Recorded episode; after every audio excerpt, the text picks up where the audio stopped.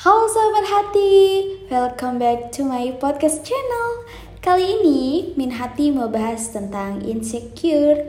Wah pasti udah familiar banget kan kalian dengar kata insecure? Insecure ya akan muncul di pikiran kalau dengar kata insecure itu sesuatu yang tidak kita miliki namun dimiliki orang lain.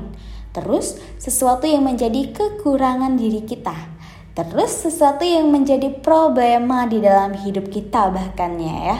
Nah, kira-kira bagus gak sih insecure itu? Atau malah ngebahayain diri kita sendiri? Mari min hati bahas. Jadi, dampak buruk dari insecure yaitu kita bisa mengalami depresi, depresi ya. Oke, juga merasa cemas, masalah body image jadi masalah body image nih misal kayak nggak pede buat kumpul nggak pede di tengah keramaian pokoknya uh, menyendiri terus gitu loh itu masalah body image Terus bisa menyebabkan tidak nafsu makan. Wah, bahaya banget ya kalau misalnya insecure ini bisa menyebabkan tidak nafsu makan. Yang tadinya mungkin IMT kita, indeks masa tubuh kita itu bagus, seimbang, gizi kita cukup. Jadi kurang gizi nih, weh ngeri banget.